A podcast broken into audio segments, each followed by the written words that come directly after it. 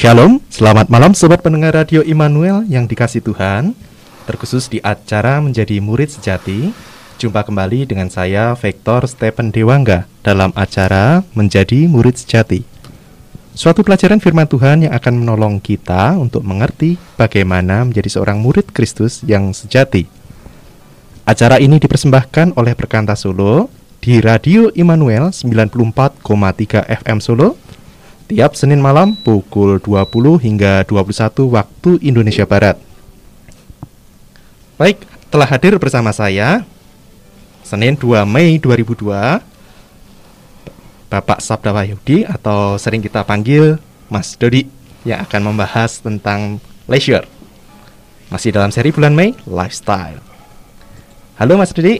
Selamat malam. Selamat malam Mas Victor juga para pendengar Radio Immanuel yang dikasih Tuhan. Ya, dan kita ini mungkin masih itu ya dalam suasana Bakdan ya. Iya, suasana Bakdan. Kami juga uh, mengucapkan selamat Idul Fitri untuk rekan-rekan yang mungkin turut berpartisipasi ya dalam acara Idul Fitri bersama dengan keluarga terkasih. Iya, betul. Ya.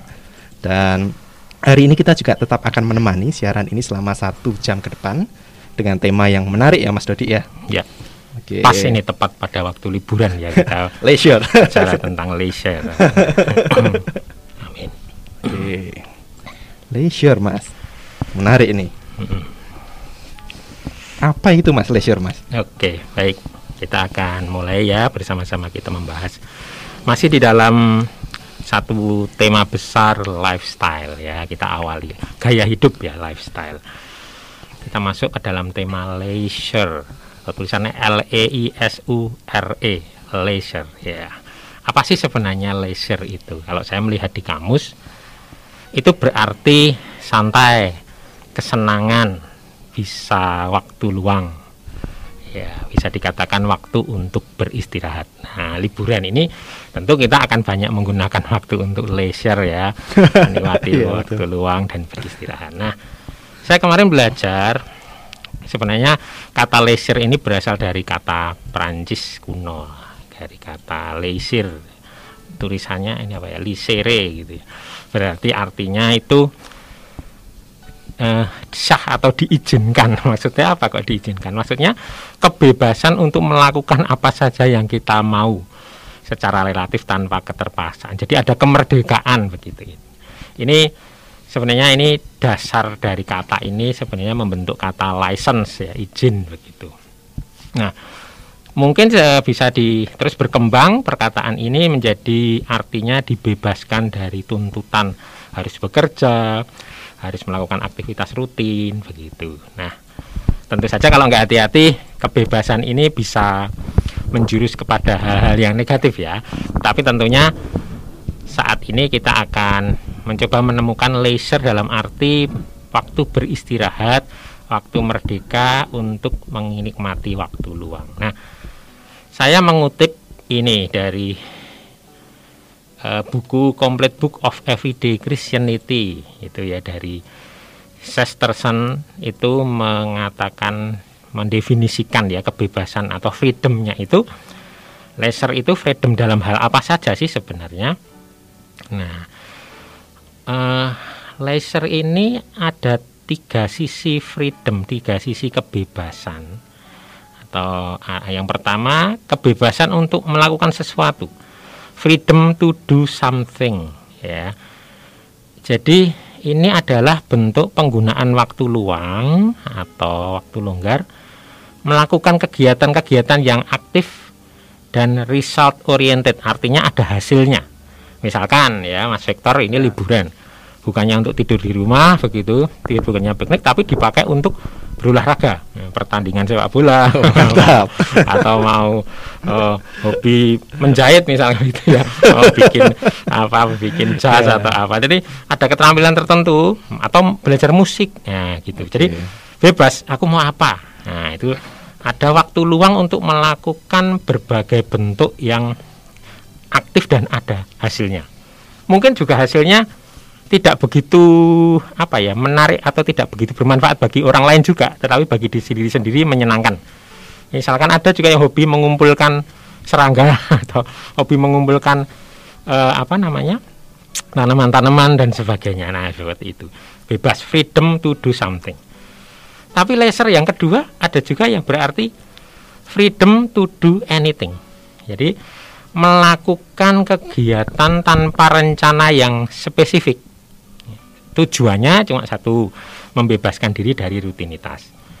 Misalkan kita libur dari kantor, wes naik sepeda motor pergi ke gunung, nah, nggak tahu tempatnya di mana, mau naik ke ke mana ke yeah.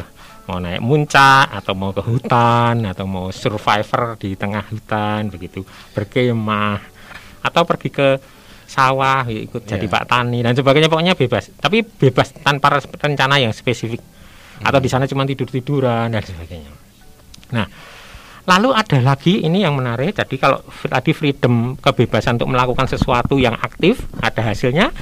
Yang kedua melakukan sesuatu aktif juga tetapi tanpa re, re, rencana yang spesifik bebas.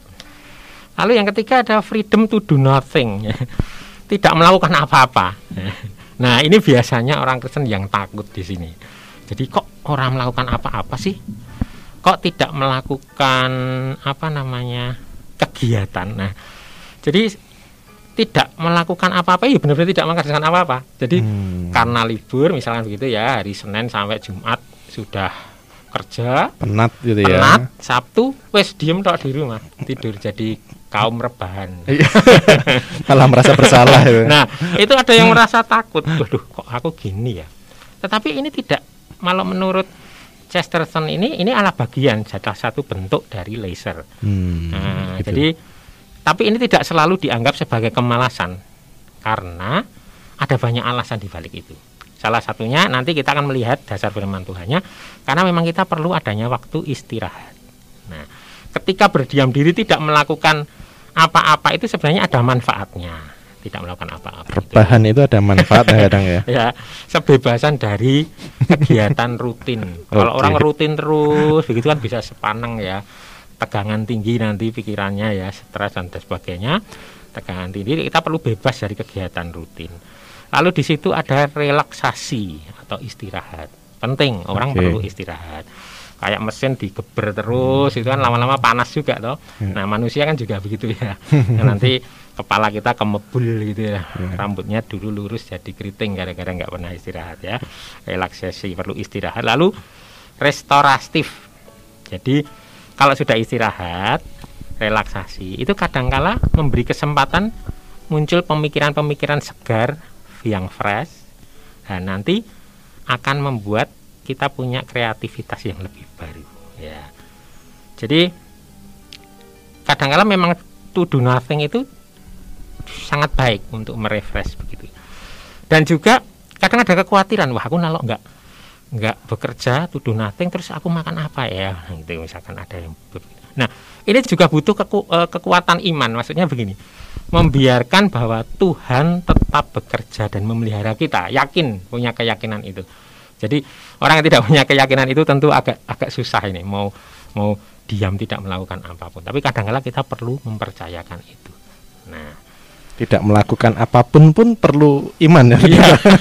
Karena kadang takut iya. kan merasa aku setiap hari harus bekerja, harus hmm. mengumpulkan uang begitu. Hmm. Dan masa sih aku membuat satu hari kosong tidak melakukan apa? Ya, oh, Oke. Okay. Nah, gitu loh kadang ada. Nah, sebenarnya ini ada dasar firman Tuhannya. Ya.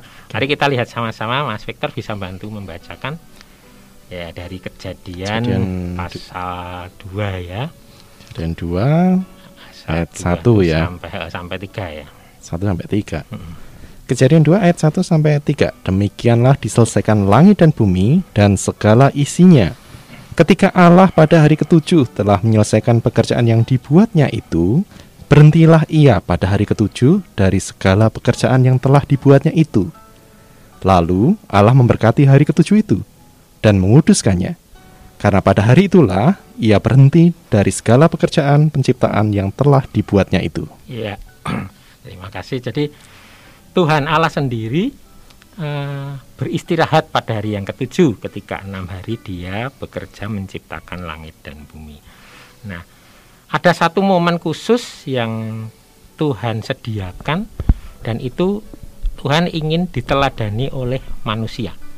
Ya, itu diulang lagi nanti di Keluaran 20 ya. Saya bacakan ini Keluaran 20 ayat 8 uh, sampai dengan ayat yang ke-11 ini. Ingatlah dan kuduskanlah hari Sabat. Enam hari lamanya engkau akan bekerja dan melakukan pekerjaanmu, tetapi hari ketujuh adalah hari Sabat Tuhan Allahmu. Jangan melakukan suatu pekerjaan engkau atau anakmu laki-laki atau anakmu perempuan atau hambamu laki-laki atau hambamu perempuan atau hewanmu atau orang asing di tempat kediamanmu Sebab enam hari lamanya Tuhan menjadikan langit dan bumi, laut dan segala isinya dan ia berhenti pada hari ketujuh. Itulah sebabnya Tuhan memberkati hari sabat dan menguduskannya.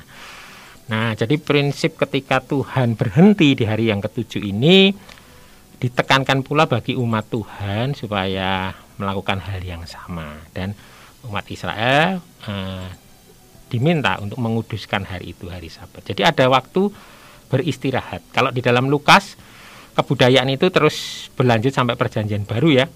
Di Lukas 23 ayat 56b itu dikatakan dan pada hari Sabat mereka beristirahat menurut hukum Taurat. Jadi ada kebiasaan untuk beristirahat. Uh, saya tidak sedang ingin menunjukkan satu bentuk legalisme atau rutinitas baru begitu ya, tapi kita menangkap esensinya bahwa Tuhan memberikan mandat untuk bekerja mengelola bumi ini tetapi juga Tuhan mengajari kita ada waktu untuk beristirahat. Kalau di Perjanjian Baru Tuhan Yesus pun juga pernah ya mengajak murid-muridnya beristirahat.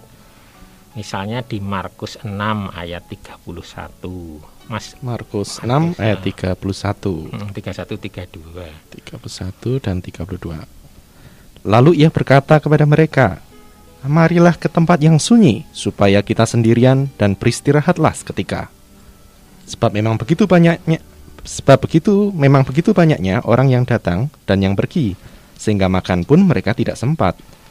Maka berangkatlah mereka untuk mengasingkan diri dengan perahu ke tempat yang sunyi. Iya, terima kasih. Jadi di dalam kesibukan pelayanan yang sedemikian banyak, Tuhan Yesus itu dan murid-muridnya juga menyempatkan waktu untuk pergi ke tempat yang sunyi kita supaya kita sendirian jadi tidak disibukkan lagi dengan berbagai pelayanan dan beristirahat seketika.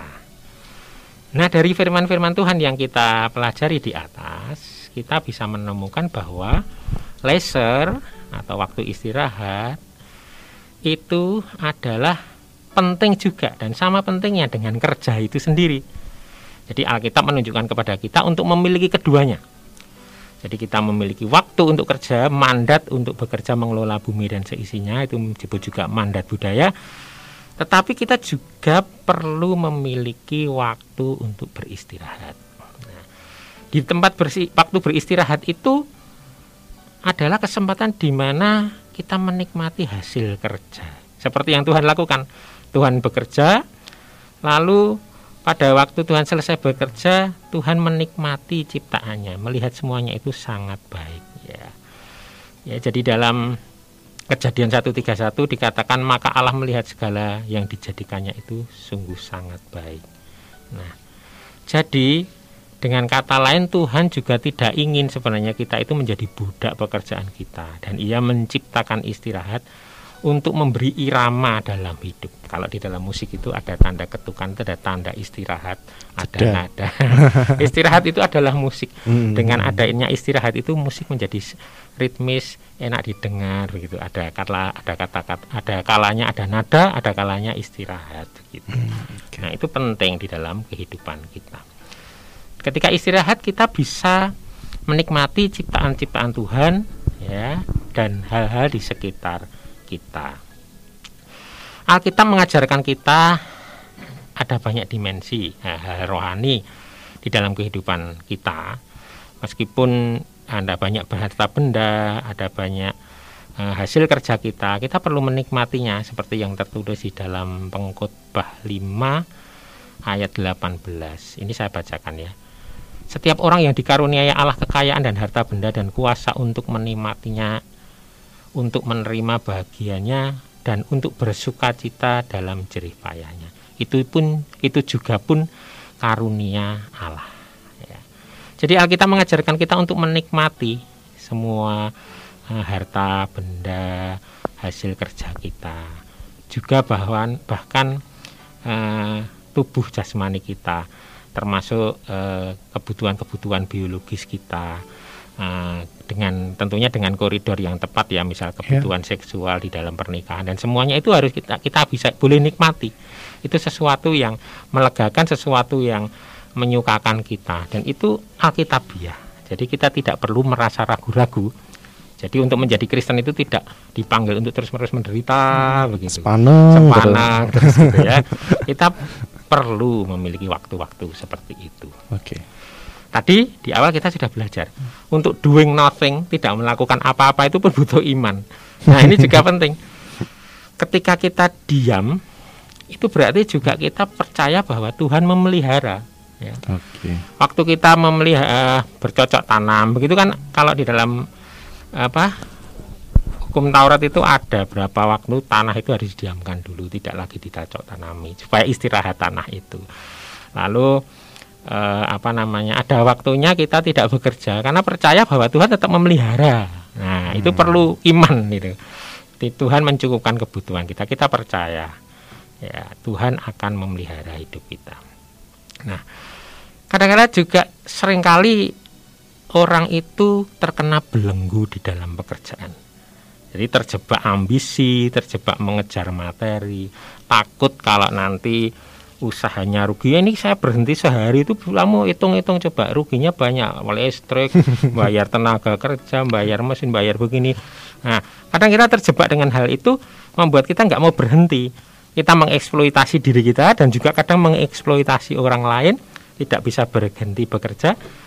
Lalu akhirnya terjebak seperti belenggu. Nah, istirahat ini sebenarnya juga membebaskan kita dari belenggu materialisme itu. Kalau sudah terbelenggu, nah itu biasanya hidupnya nggak beres ya. Kerja sudah mati-matian habis itu punya utang banyak ya membenamkan diri dengan berbagai cicilan misalkan gitu. Angsuran tidak bisa berhenti. Itu seperti ya nyuwun sewu seperti tikus yang berjalan di atas roda dulu kalau berhenti muter terus tidak berhenti berhenti gitu. Kadang ah itu menjadi apa ya lelah sekali lelah sekali ya. mesti itu punya kan lelah sekali dan nanti kalau sudah lelahnya sampai puncak akhirnya kita mau tidak mau dipaksa beristirahat Kenapa? Sakit. Karena, sakit ya.